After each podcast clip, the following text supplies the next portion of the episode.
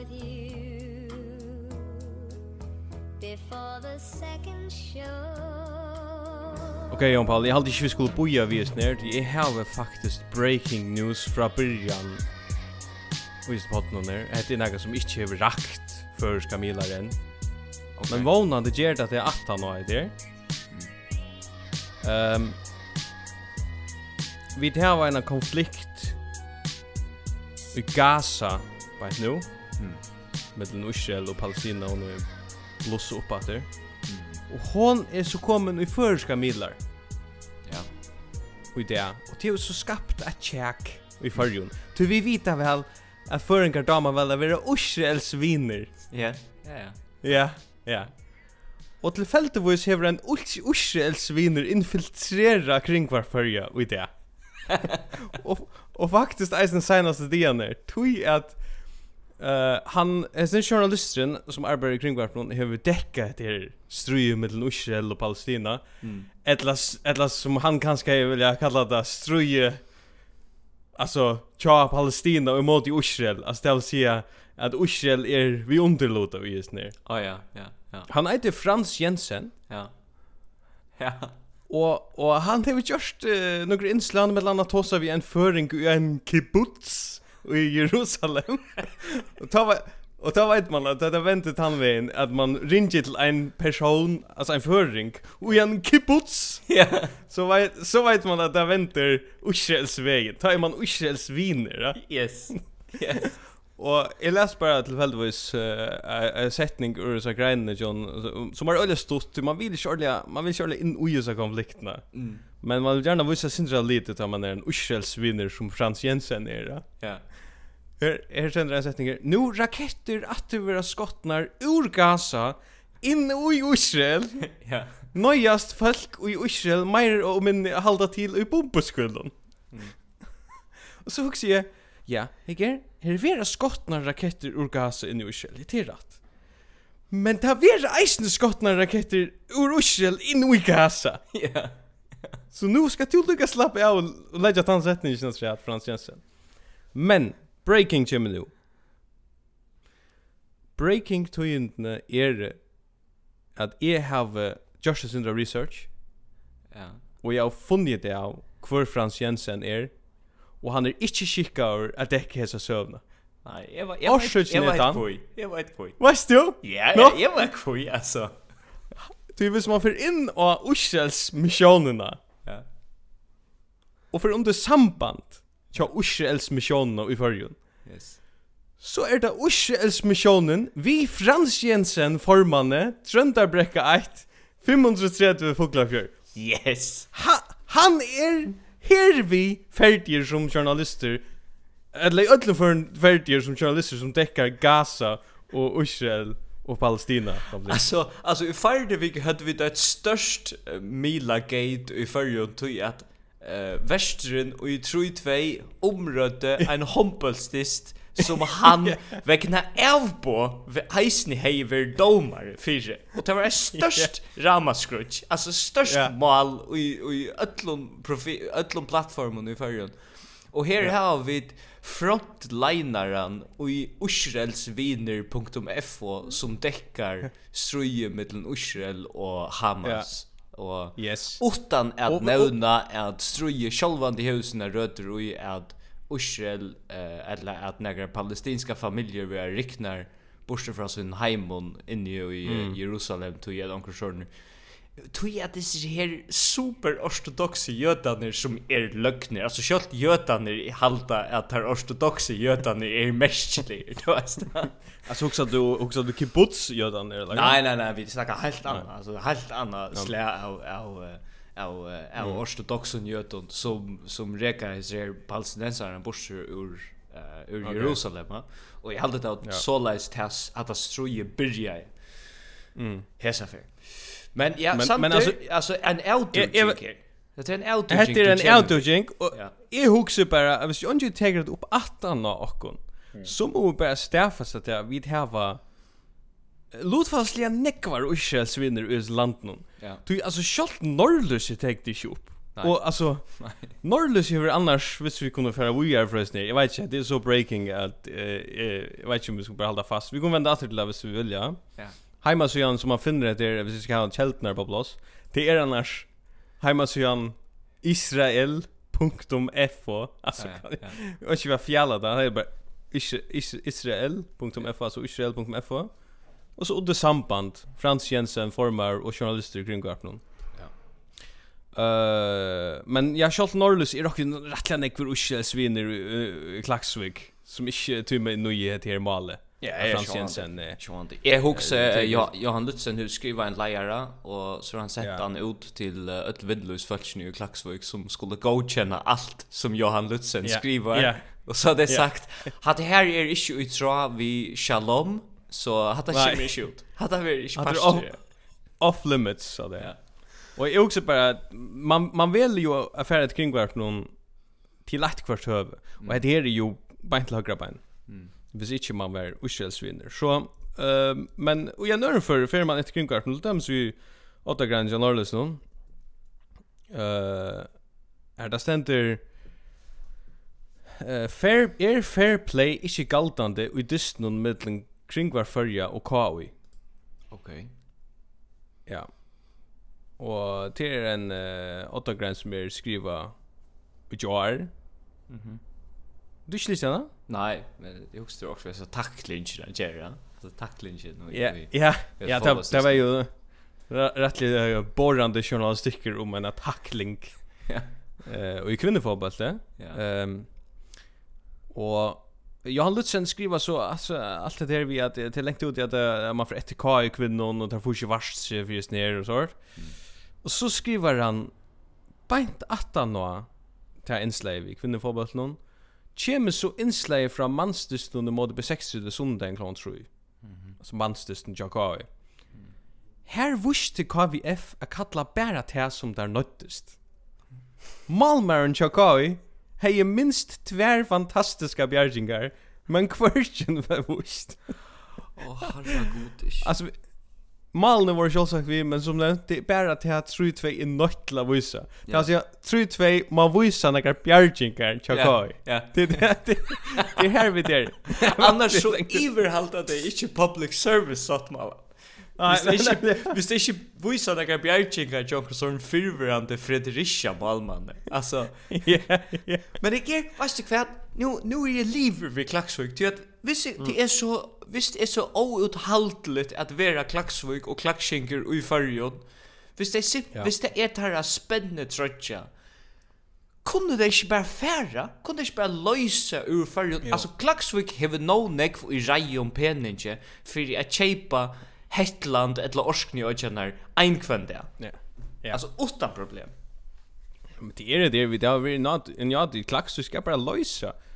Det är alltså jag har seriöst om vi måste nästan bara ta det här från en en till annan. Jag har seriöst norrlöse.f en trutja för men men not Ja ja, men men det tas mer till till en till en fold boya och ju som podcast nu till att ta ta ta vi kan till Leo helt alltså vi hade sen dra fram framstegen och och tar sig vikna vi till att Ole Lassen säger är för in att du folkaflocken men så ser folkaflocken och klaxvik Ole Lassen är inte välkommen in i folkaflocken än så vi blev onkel de Leo vi har så här bygdena som kallar sig en bojer här att pengarna är ju faktiskt Och vi och vi är vi vi vi vi tänkte som att ta så vem mor alltså vi vi kunde pröva här såna några grejer som är fullkomliga ut i av hesa världen men inte för att bryta i klaxvika. Nej. Men låt dem låt dem lukka taka ena grannen så att norrst då. Alltså att jag vil det sagt att det är öle underhållande lukka lucka. Alltså att det var en sån här portal det ger mer och connect. Mm. Mm. Eh nu är det alltså en här ett läsarbrev som en som heter Frymund Hansen överskriva. Okej. Okay. Och Iveskriften er Jenes bjóa nu Amerikamonnen Kvannasund. Och bara det. Alltså i bås, i bås har det eller som en Nei, Nej nej, bjó utropstecken att han. Att det är bås. Bjóa nu. Ja. Bjóa nu taimon. Jenes komma bjóa nu taimon Kvannasund då. Vanda vanda. Och og, og, det det kjems kjems James at att at Jens skal ha fund vi høyre hånd til Joe Biden. Ja. og og uppenbart halda føringar at det är rataren är stormal i USA og og American men vil de hava et fast tilhaldssted av føreskom fyron. etla en havn til det här krukskip og förskällt Ja, ja.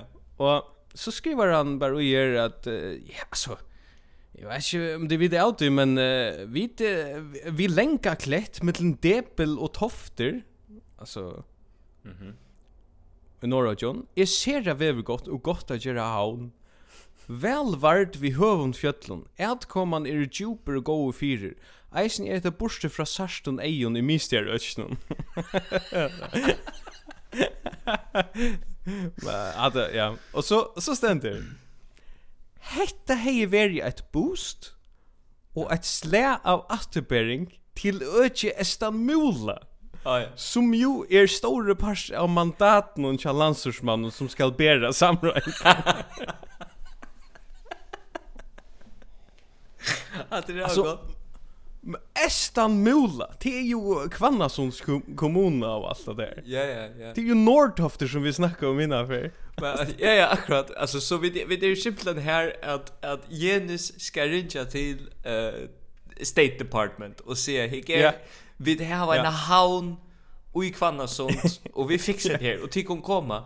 Och till så till att du nämner det här tror jag att en annan journalister som era sinter i norrlösa kategorierna som har just ja. neckbusher ur tui tui spyrande vision de som är att de små platserna norra jön sen det till er och era go go gamla vinner Vilmund Jakobsen mm. som finner så nekva tøymar ut ökten hon att han mäknar att täcka Tom Hagen för 26 och simpelt en gera att en en en en lager telling av hva man kan och inte kan gera i norra Og han har haft denne här grejerna senast eh fra alltså fra Kvanna sånt fra Viara ifrån snö plus någon här her det. Ja. Och han heje han var i nor, han är väl og vidja. Och här han alltså vidja et sted som heter Lock In Apartments. Kjenner du det? Ja, ja, ja. det känner jag faktiskt. Det är han dekka. Og etter han dive hända grejen är och medalja drick som vanligt. Ja. Och så är en mynd kan förklara det kanske kanske du skiljer en mynd som är øyelig, så är basal IKEA inredningsvirksemi och i sig uppbundne och under mynden ja. ständer omstövnar kunde nejvan vara bättre. och det, det som alltid det handlar om det han gärna samlar vi eh vi vi en ikon i minnes i fixture noun gen vi. Jo, Irte Jakobsen, det var hon som var borgarstjør, Kvannasens kommun. Åh, ja, ja, kjempelegenda. Hon kørte, hon kørte dobbelt, hon tjena i 30.000 på å være i en kommune vi trusjfalk. Ja, ja. Og hon er så intendenter i sånne lock-in apartments. Mhm. Og så er det en leng, så en leng lysing av alle faciliteten som er det. Og hette er jo relevant hvis nu Navy Seals skulle til lukka som kom til Nordebels og til Kvannasons og skulle til lukka som haft sitt visse med her. Ja? Så stender, her er beste omstøver og vi tar eisen i en nutumans hitapott til åtta folk vi ötlom møvelaikon. Men så understrykar Yrte Jakobsen at det er særlige føringar som brukar hitapotten, men utlendingar lett ikke nekvo igjen.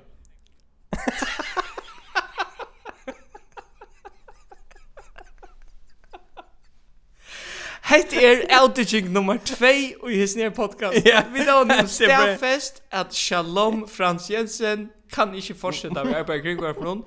Og hita potret er en nationell sjuka. Altså, det er, det det er en feber som ligger i landet. Ja, og hette er altså en stafesting, altså en utsøkt fra Alltså ur nordeble. Ja ja ja. Ja ja. Det är det är det är och i lock in apartments och så ständer Vi har haft varoan ja snär. Vi har haft varoan men det så ständer så ständer det är så jävla detaljerat att han har en lust kvar chim namn lock in apartments fra. Ja, det är ointressant. Du tar ju namn så hooks ta Joa som om att man rönner att läsa gesterna inne. Alltså du chimmer in. Ja Men du kommer ikke ut etter, du vet det. Og det var, det var min næsta vimmersing, at jeg råkner ikke ved at her utlendingene som velger lock-in apartments, er særlig hita på slir. Nei, nei. men, men ok. Men så stedet jeg, navnet lock-in stava fra fjallnån om man fyrir Nordøble, som heter Lodgen. okay. Og så stender enda navnet apartments, mestjer så at her er det uiboer som kunne leiast.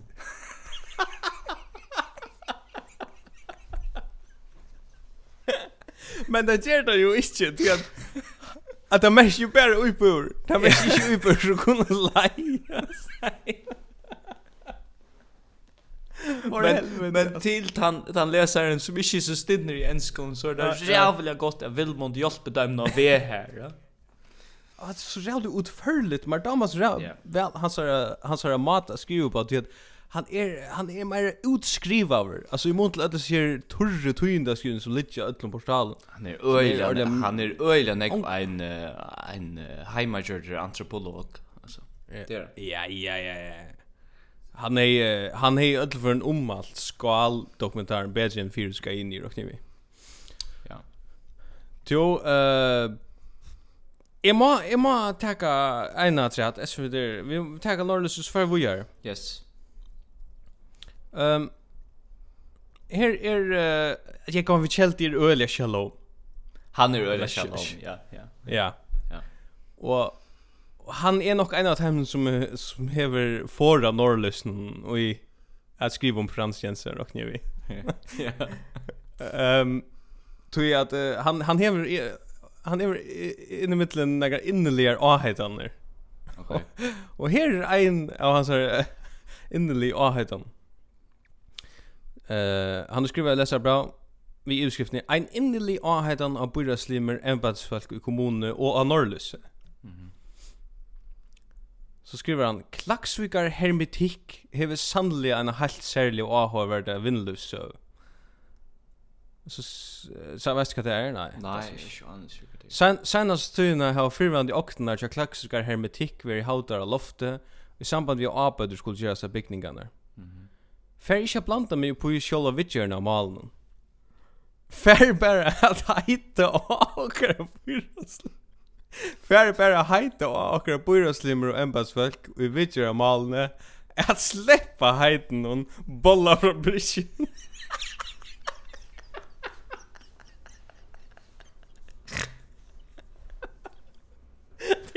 visste ikke hva det Skriver han, hette, hette er, gasar er, sleng uttrykk, som det andre sier. Okay. Og fauner avgjørs ikke fotla relevans i som før. Så sier han, uh, han säger att, att Klaxka Hermetik som är det värliga namnet men där katta bolla fabriken är faktiskt näst större än bara en bolla fabrik. det är som man säga att Klaxvik är faktiskt näst större än Klaxvik. Det är faktiskt ett land eller så där. Ja ja. Men så säger han så säger han alltså han vill ta några döme om kvärt klaxiska Hermetik alltså känns som bolla fabriken är. Mm. Ett sera brett urval skriver han. Bara några få dömi om framlastelse som, som uh, klassiska hermetiker har haft. Bäge heil och halv konservis, skriver han. Ah, ja. Fiskabollar, som är, alltså, ja, bollarfabriken. Fiskaköka, heil och mälen rokt. Oh, Silt ui vun sås mm. og anna. Mm. Gaffelbitar Gaffelbitar? Gaffelbitar. Okej. Jag vet inte. Ja. Ansjoser, ansjoser i tomatsås. Ja. Fukler i soje og i sås, lunte, lombie og anna. Hummarar, pilkar og heiler og flere ånderslø. Så her må vi si at, at, at klaks, klaksukar hermetikk er veldig slå av fyr. Ja. Det är en durgriper av Windows-sönet, säger han. Det är super konservus uh, virksomhet som det har haft här. Ja, så anki anki skal vi tøy, men så så kemur á hetta natur, lat ok öll få inn at heita klaksigar hermetikk, ella bara hermetikk. Og ikki hetta forflantia orð bollafabrik. og eg veit ikki, eg havi hug at sjá er samtur. Skal det gjøre det? Ja, ja. Man bara bollar fabrikerna veck. Hetta vísir bara eisen hvat det er fyrir evnum man tekur upp. Hvat det er fyrir evnum man tekur. Ja, ja. Nei, klaksvig er ta gonga, ta gonga alls for vel klaksvig. Jeg jeg har jeg fer onka til sjá nokk mer om klaksvig. Hatta vert ja. Nei, er lever no. Jo, men det er som sagt vi må fra vi er for klaksvig to i at det det blir for deg fast. Vi kunne ikke. Nei. Det blir nekk rumsterelse om en tanrataren eh och ett witcher om med rataren som ska komma och sånt och allt det där. Mhm. Och det passar allt ju lite att jag för en gång tar jag till händer tog jag rataren är ju till er alltid ett uttryck för att vi är nöjt att ta stöv till värna som finns utanför färjara och det tror man vi generellt inte. Nej. Och till väl och vilja självfest och i førskon søvbokon at føringar generelt hava alltid vilja vara neutraler. Vi da vilja hilti okkon utanfyre det som henter i verden, ja? Ja. Mer är a slash wise. Ja, i grunden, ja. Mm. Men, alltså det, det, det, kan man säga det er att man vill vara neutraler i, stor i storpolitikk, ja? Och men, men det är vi vid vi hava omsett året neutraler til at man er utan veltaver. Alltså det här du ger större politik till okkurs som är relaterat till en äpla välte. Alltså allt skall vara innanför bökarna i förr för att vi inte kunde kunde begripa det. Vi skulle alltid ha ett en, en term som är eh uh, ett landa vi uh, landbona ettla vi fiskevinn i ger. Annars klarar vi slett att finna det ut. Nej, men du tog vi helt onkande för att sitta vid så bor i ST och och prata om ja. Uh, responsibility to protect vi såna koffi annan typer eller sån ja. neutralitetsprinciper och så. Vi klarar det inte det det skall vara äpplavälta. Det må vara chattler eller äpplavälta. Jag sa att det var det var öl Louis nu för att åter norr efter det var grinder för ja. Okej. Okay. Eh, vad ska det fixa vi? Vad ska det vara kvarna sånt eller kvarta vara? Jo, det var några för. Det var den här kulan ända jag sån hutchen hon. Ja, onkel kraftigt gjorde hon så kulan upp och annan är hutchen. Och jag kan ja. låta det, det var inte en Sea Shepherd för som körde. Det var onkel onkel Sjörn Onkel Maverick. Onkel Ölja chattlar baserar över fyror i Klaxvik som har följt sig maskulina i några sekund. Ja. Men In.f skriver om att det vi vi grindadrap någon. Det skriver jeg att uh, Føringer strømte grindadrap för Sea Shepherd. Og det var jo øyelig drama om att det är Sea Shepherd alltså för hjälp ur förjum eh uh, vi sunn vi syn någon propaganda i Gazarön kan man säga. Ja. Och det är intressant att se att det var alltså en fyrer som stod och filmade det grindadrappet och han var föringer och men det intressanta är så det som händer vi vi check tråden under hesa grein som bara mm -hmm. outdogar att att vi är fullständiga eh, alltså ta det snurr som grinda drop så är vi till rejer till kvärt som helst. Vi kommer för ölja läkt. Alltså för att refsa det som är emot just nere. Och så är en som skriver bara på den vägen. Gapestockren borde vi funnen fram efter. Nej, fan. Och så en annan. Hej väl i svär näka för just om namn och mynt av Sea Shepherd örenda svainon var i allmanna koncert. Alltså om det snär för som inte yeah. just näka och lowlet var allmanna koncert i försk och middel då. Alltså visst du visst du tog uh, bara att det ursämman inte så är detta ju Teheran ett lock short. Ja ja. Ja ja. Jag tror öjligt att det. Mörda. Mörda förren landa switchare och borde straffas för det skriver en annan. Ja. Ja. Eh uh, och så var det en trio som skriver ehm um, ja, så så en som skriver här. Hatta är landasvik och eira vara ett mål för PET. Alltså för för politiets efterrättningstjänst. Alltså det är onkel kvanna som det ska rinja till P till PET och säga hej er, jag vet att det här var next sort terror relaterade bekymmer som tid halta eja vi och nu nazister i Danmark men kunde komma till Kvannasons och fjärna hända för som hever strömt alltså som, som hever sent live bara. Han han har filmat akkurat det som Jack Fisher och Snare Fjord. Alltså han har inte redigerat, han har bara filmat det då, vet du? Ja. Det här vi det.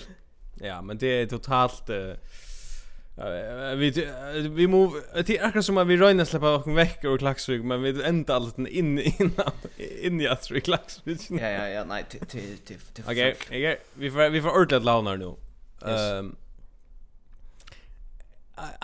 Ein fyrir som vi glemte å nevna senast som vi må komma inn og til er altså nutje styrsformaren til Bostone, Regen Hammer Mm, mm. Och nu är det kraft ett med Hammer Time. Yes. Och i allmänna fyrsidingarna och liknande. Hese Mavren har en kämpe förman och stjärre i budgeten. alltså, alltså vi, vi, vi må bara gita och till att innanför tre tror jag ett halvt år så har vi här som förr en kämpe sess. Alltså han vill inte han han ska inte lämna vi på att flytta pappersbunkar som fullt tror.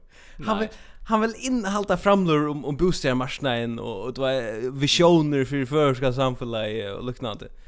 Jag tycker jag tycker för in uh, in Oxan. Är det placerat också. Han för att han för att gänga gänga åtta till till en sort sort lejare typer. För jag gänga åtta för sån tjusk bitchar ruin. Det blir nästan sån gasbetongsrelatera. Ja. Så vanligt som är nytt och kvitt vi ja. står och vinter. Det därför han det därför därför gänga kött. Och så och så huxar bara att han han uttalar sig öliga näck som Marin som styrer bostäderna. Alltså som räker bostäder. Och här man bara säga att det är att att Andras Rowan Rogue Rowan. alltså. Yeah.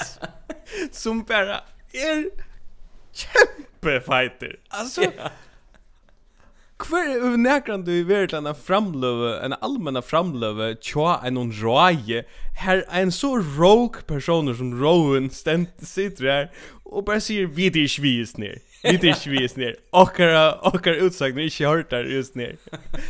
och Alltså det, det finns ju ett kämpe strui i det bostaden. Du har slipsa rejen här och så har du rogue rowen. Ja, ja. Hinner med Och det fiskar som är ren hammer vill bara säga att det är han som kommer in och rotar upp. Men andras Rowan är inte vi på det. Nej, nej. Det är inte. Och det som är så ja Han är real Västerbro nu John Rolf Fjärsajs. Han är han är näck mer andels eh bolig alltså. Han är han är inte Kim Hansen alltså. Ja, Kim, Kim Larsen, va? Kim Larsen. Kim Larsen. han är öjlig, nej, kommer Kim Larsen. En Kim Hansen. Nej, inte Kim Hansen, Kim Larsen. Nei, han er Kim Kim Larsen, det passar. Og, uh, han kommer inn der, ja. Yes. Og han eh tas mig också här Tarpier. Ja. Og så vet jag om du fyllt vi at, at det er en annan som er styreslimmer til Boston som har kast. Jo, jo, jo. Eh Og han, han eiter. han eiter. Det er feitaste, det er feitaste navnet i verden. Yeah. Tom Silverdale. Yes. Alltså, kan det vara mera fakt än det? Det är totalt Golden Globes. Alltså, och vinnaren är Tom Silverdale. Men det är det hese fyrre som ger som ger hese sövna till okkurst öjliga Wild West relatera. Yeah. Alltså det är öjliga Agent Trush Akkur så pistolshowdar i virsen visst när Tom Silverdale så bara slätt är en existerande person nu. Alltså han han han är bara alltså han är bara personnummer. Han är bara personnummer. Och en bostad i varje, men han är annars inte en existerande person. En anlitslös historiesliver av jag skriver ner. Och det fight är att man har en sån längt inslag det vi om Tom Silverdale. Ja. Och blir vi nämna han och man onka du ser en mynd av honom. Man ser slett inte hur det är. Nej. Och vi har ett landa fotografi av honom. Han är inte till. Nej nej. Jag lite efter honom på Facebook. Han är ju på Facebook. Ja, jag är inte. Eller har han blockerat mig akkurat som Jens Arendt. Det är så gott. Kringkvart för maliga som taggar det allvar. Man vet att här journalisten till kringkvart som färgar sig sövna i hånderna. Och ja. så hver helvete är Tom Silverdale? Och ja. huxa bara vi hette en ega piss, jag fick köra sövna, men förrän sitter i nämndena till bostaden till att Elspeth Mercedes är valt han i nämndena, så han må vara här. Så må man gå som tägande. Alltså jag också visst man inte visste hur Elspeth Mercedes var och och Tom Silverdale så är detta totalt teach ur Bolton Beautiful. Ja ja ja, absolut. Har saga in. Jo, vi vi färra vi färra väster västeröster nu. All right. Och Låt spela klipp. Ja. Og med vimmashing är en klippe er vi må halta upp hat vi at betrakta okkar økje som en metropol. Mhm. Mm og her hugsi eg bæði um uh, Klaksvík og eg hugsi um Tórshavn. Og so hugsi eg eisini um Vansøyrar. Mhm. Mm Prolustið er nær. Hetta so er jo at man betraktar sitt egna øki sum ein metropol. Okay. Og i hest 20. oktober vera hund, vera det hundra år siden fyrst og følgjene flotto til Vansøyrar, og i tog sambandet fer bygden nøyt midbojar økjem. Det vi bygda rai i våa kommuno avgjørst. Atlanen er at borgarar skulle bruka økje til imisk tiltøk i bygdene. Økje er vi innkåringene til Vansøyrar. Hatta maja du? Jo. I samband vi av Vansøyrar blev til, ja. og og ikke har mennesker så igjen, så, så er avgjøret stiksen om å gjøre en midtbøyer øtje, og i en øtje som ikke er, nær namen det er et øtje, altså, vannsøyrer, og det sier, det sier så sånn, at, at det som, det som er sagt, om hver midtbøyer øtje er, mm.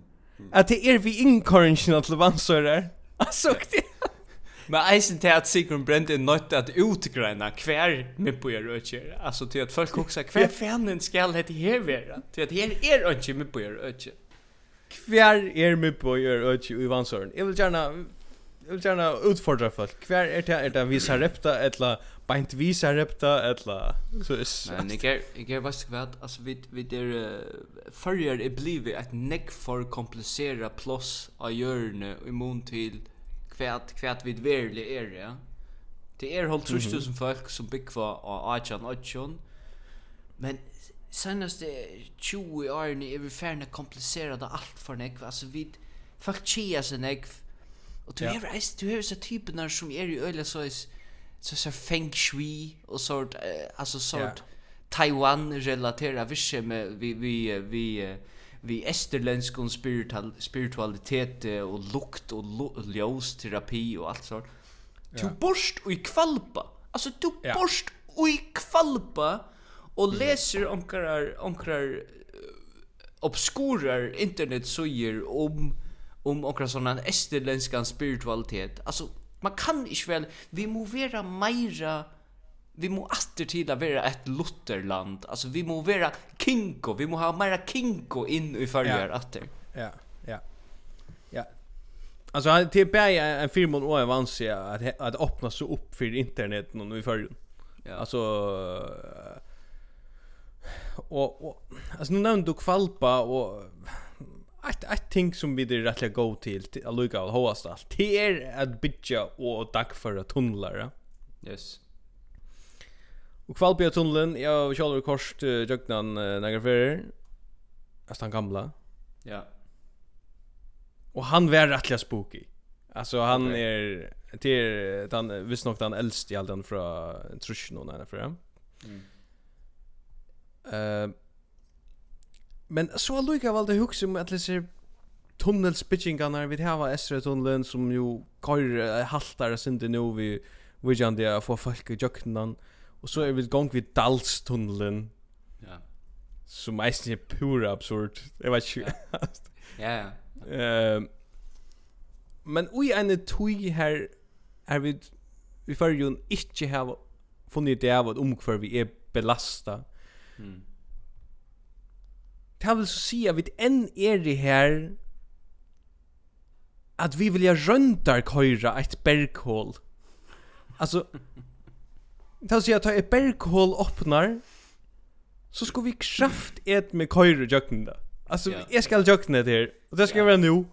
Ta sig alltså köra en biltur i jökna en myskan ve som Anke Anne hever a bjóa på enn a vera en vever. Alltså det er... Det vill jag vi gärna och så en jag hade det var en 3000 folk som hade korsat jögen kvalbjörtunneln alltså en där. Okej. Ja. Och og fløyta lastbilen og alt det där. Mm. Mm. Og 85 år gamla Betta I mm. som hei heiren av å være i første bilen som så kort Jørgen Tunnelen. Mm. Jeg føler jeg synder at nu, jeg glemte jeg klippet det, men jeg kan bare si at det som hun sier. Hun sier det rettelig vel. Hon det finns det klipp av henne av kringvars hemmasynet här det kör jag vi henne och og Badja som kör bilen han 55 185. Mm. Og jeg alltid den øyla ramande løsning til hun sier Er det bare vever? altså, du vet, man skal åpne der og... Kjølt hånefæren vujer. ja, nemlig, ja, så nok som er. Altså, er ikke Netflix inn her, her bøla myrst. Ja. Er ikke uh, med minnesending eller akkurat, er det bare vever? Det är ikke nok. Det är inte nog att underhålla så vi att ha en V. Nej, nej, nej. Det var Så det var uh, min nyeste om Kvalbjörtunneln och det var sikkert det samme vid Dalstunnelen, jag vet ikke. Att gjort. Du ehm framborna i förjon som hever vi Uh, vi tunnlar och allt annat ger oss till att att att vi vi på sätt det senaste hundra ni har brött och från att vara ett ett isolera och just samfället här man var färra vi bad med lodgarna till att man nu är knutter skärman och, och vi det var jansisk större för tele och vi har gått mm. ned och allt det där. Ja. Det var eisen vissar enn sånne sekundæra rørsli av navna virksomhet i fyrjun som man faktisk inte ser hvis du huxar det öle väl om så sars du inte till så där några sen ja alltså nej folk alltså namna bestämmer ja folk i förn är förn att att att döpa och och namn ge vad sina börn örvose än man har gjort nu hur du själva korsande give dödsna shot ett namn Och jag har ju ett problem med... Som är örvise. Jag har ett problem med två namn. Jag har ett problem med två namn. Men... Till men alltså grundläggande är det så så till ungen som bara kallar sitt barn Einstein i det. Alltså ungen färra barn och bara säger att han ska inte Einstein. Nej. alltså allt är sort Norran och Breje eller Fölv eller whatever ja. det är allt också såret. Ja, ja. Och och, och det funkar ju. Alltså det det det det är ju ordan, visst vi kommer att visst det är badne ena förfärat arbetar ju lista skadan. Etla blivir ein professor i onkur sån utnor ras relatera vod granskinkar evne, ja. Så det funkar ja. etta breie, etla norran, etla fölv. Ja. Men visse vi kommer bara blivir til en offshore-typa, et langt kajot-hydralik-typa. Og man så ständer här och säger, Hetta er Eje Breason, platesmir kjær reine service. Alltså det funkar ikke. Nei, det funkar ikke. Och det är det som är så forbanna ringt vi navngivning. Men det är en pressa lägga ett bad. Ja. Det tror man alltid ska ha ett eller standard in i ojnavnen som man, som man så väl att kalla en böckstav eller så. Ja, ja, ja. Alltså till dem är uh, Silas ja. och så ett eller mittelnamn som är Kare eller så. Ja, ja, ja. Så man kan Silas K K. Jakobsen. Så man kan hiva fram hvis allt gånger ja. fram till. Det alltså jag visst du arbetar ren service så kan jag bara äta K. Jakobsen. Men hvis du blir ett eller annat sort eh, samskipare tja Norr-Atlants samstarv någon så kan du äta Silas K. Jakobsen. Alltså generellt där finns det en kategori av någon för dig som är inne i Norrland hos någon Meira ja. enn trutja fer i jökna et loiv, og de som är inne i Norrlandet hos någon trutja fer om året. Altså, her finnes det en skillnaver i navnen, hva man kan velja. Jeg tror vi får sånn nekva navnabrøydingar i framtiden.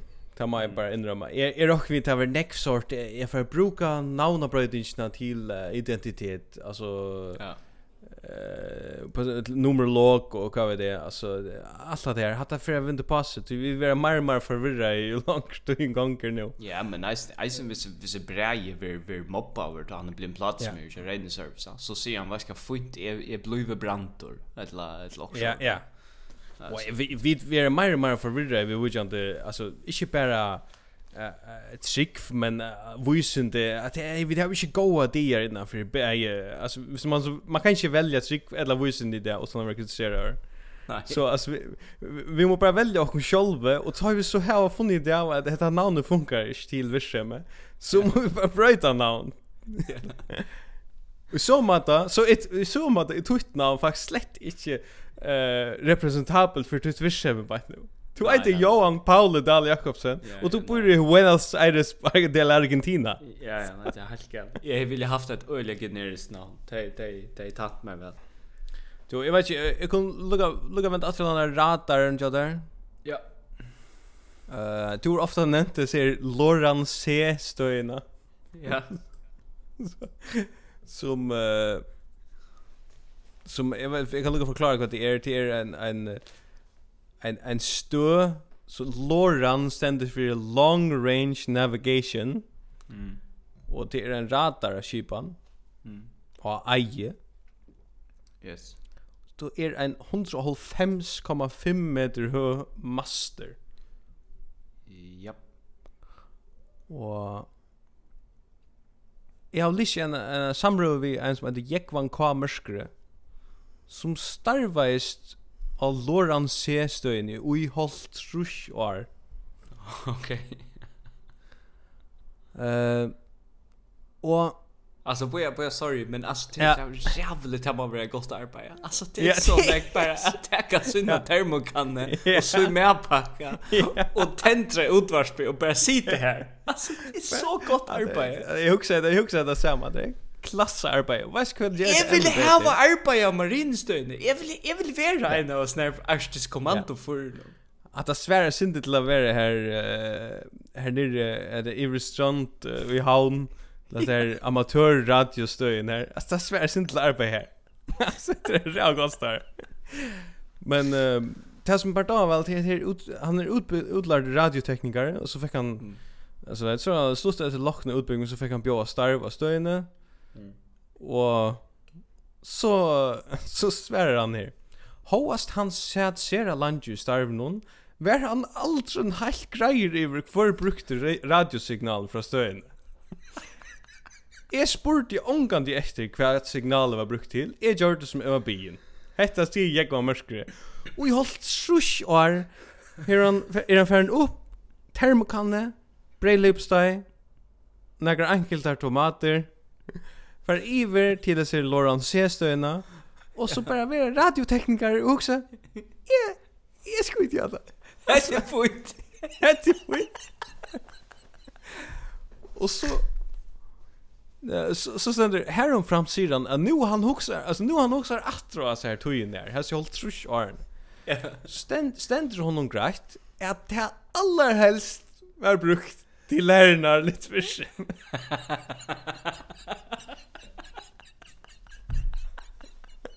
Alltså nu nu tar man lika som Jag Hickar aftur og vet du vad? Nu tar du sida, så, så hugs jag att uh, Hette sko okkshort vilt näga som jag har arbetat vid vi tror Ostrusjå.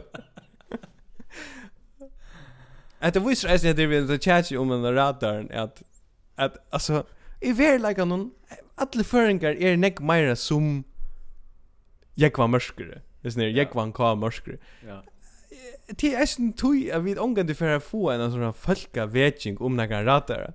Du tar allra flest föringar för att jag spyr om kvätt det här rataren ska brukas till. Nej. Kjolt ich tar för det väl så för arbete ju. Nej, eller vi eller vi ju Nej nej, vi kunde diska, vi kunde diska uran och i sore utan att utan att några sjuringar hej mot malt. Alltså det det är ja. ett problem. Ja Föringar vilja vara som uh, som vi börjar prata vid, där vilja vara utan vältar. vill vilja standa utanför vältna och hytcha med en annan välta äpplen. Det är det vill. Och, och det är nästan det vi kom, vi kommer angående föringar kommer angående fram till en reella diskussion om dynchen. Alltså till till nok tror jag vi bara säga det var lago eller vi gör det margin, va? Ja. Vi om om föringar lotog ju en 100 meter sprinter, hvis vi tar att det är EU för den tutnit, ja. Ja. Så hade vi just och klar Och så är det sagt vad eh Jerry Clarer och så är Starsko det Joa. Ja. Och alla hinner renna när hade runnit så kött där kunde det fram emot mål någon där. Och hade tränat sig till det. Kvätt hade vi gjort. vi hade steg vid börjanna och förklara öllen avskärnon att vi det har rätt att vara vid till hesa renningarna. Vi er ett land. Vi har en flagg vi och i hesa renningenjör och vi bestämmer själva om vi renner eller inte. Ja. Det passar. Det handlar inte om att lotäga och vinna. Det handlar bara om rätten till att kanska lotäga. Vi är vi är ju passer av öll mövlun allt så eh sån någon samstarv och sånt som alltså alltså långt och vi och era verande röjsrättarliga stöve som vi inte lotäga i. Alltså det ser vi är bojen vi att vara pastor av i astriska samstarven innan för nekvar såna eh fällskaper. Men vi ja. vi tog inte alltså tog som om man sent onkran och och tänkte ja. inte sända föringarna till vi har sett John Rajani till Israel och så ringer jag till någon spelare till kan så förklara hon kvui ta kommer det klätter handa vägen och hämta vägen och vad är det som sker? Och så ser han Hej, det för for kompliceret for klokken. Ja, men vi har sett det här. Vi sände det. Du var den bästa vi hørte. Du var kämpelön för jag sitter her och forklarer det. ja. Han, alltså jag menar bara, uh, han kunde ta samma arbetet jag kring var förra till den här starsmanna fyllarslön som att vara empatsmöver center ur det officiella förrjön Ja. till den här kämpelön. Alltså jag också bara, han kunde akkurat samma bara starva sig kring som uh, korrespondenter. Det tar ju. Ja, men alltså sent eh, hvis vi ska ha en sent folk i Israel och det ska vara också sån rickklappare tja tja Netanyahu, ja men så sent Frans Jensen. Sent Frans Jensen. Ja, bytar om. Bytar om. Kurt John Rajani in i Greenwarpe och Frans ja. uh, Jo, jag tror lucka lucka utan landstund, lucka ända där. Ja. Att eh det man kommer omgång du till eller själva diskussionen om nu en radar är förnuftig man kommer alltid till diskussionen om vi det skulle kvar ska bestämma om vi det har en radar. Ja. Det där samma ta Jens vi bjöar vid en fond till dömes vi högre hånd jobb Biden. Ja. Citatet av Jens handlar inte om kvärt därför att snacka om eller eller eller kvärt hans vinkel på världen är eller hur hans internationella visioner eller hookbord till världen. Nej, nej. Hans citat är detta. I er bjóar vi, ja. Men tushpunkti er ivasamt. Tu jag vi enn ikke finnes vita, enn ikke finnes vita fra danska utanriksranen, kvann data er det. Jeg har så flåpelett til sundagen, og er klarer. Det er hans sitat. Anki sort om kvat kan huxa du om uh, förska lightloten i världen. Nej nej, jag har en flopp till sundagen. Jag kan gå komma vi. Ja. Som till en fotbollsist. Jag hade vi kunnat ta också oss ner näst för bara. Jag att ända med en klippe. Ja. Och man kan vara en en en journalist som är sindr ut i kanten som Frans Jensen är. Men han är mer politiskt ut i kanten och no? mm. så kan man vara synte mer fresh som John mm. John Johansen mm. John J yes man kan vara mer fresh som han som tar han intervjuar Magna Moore här fyra jag vet inte så det ja ju det sa jag ju ja Yeah. Og han han bara uh, spurte spurningen som við öll hugsa och jag Kvar för vi får en rå om att vara mera är för ut och gänga en tur eller mm. lufta tankarna eller bygga okkurs leko för sina yeah. hälsa ja. Ja. Han spurte nämligen hända spurningen. Han skildu ikke eisen jeg heter Kavirska sin til formyndarist etter alt skriva og i båsåtte. Hvis jeg tar leier kvöld 16. januar så stendes seg kipa for en bårspele vi vinner til familie. Hva sier vi hodlan gin tonic? Men så, hvis du har hodet en gin tonic, så hadde du skal få deg en gin tonic. Jeg vil bare si Kvært hvis jeg har ho til en gin tonic. Hatta for jeg brukar öllum vi skiften i min løyve. At hvis jeg arbeidsgivaren sier, du er altså nødt til å skrive et her lio til, du sier det som en lio til faren. Ja, men kvært hvis jeg har ho til en gin tonic. Hva kjer det så?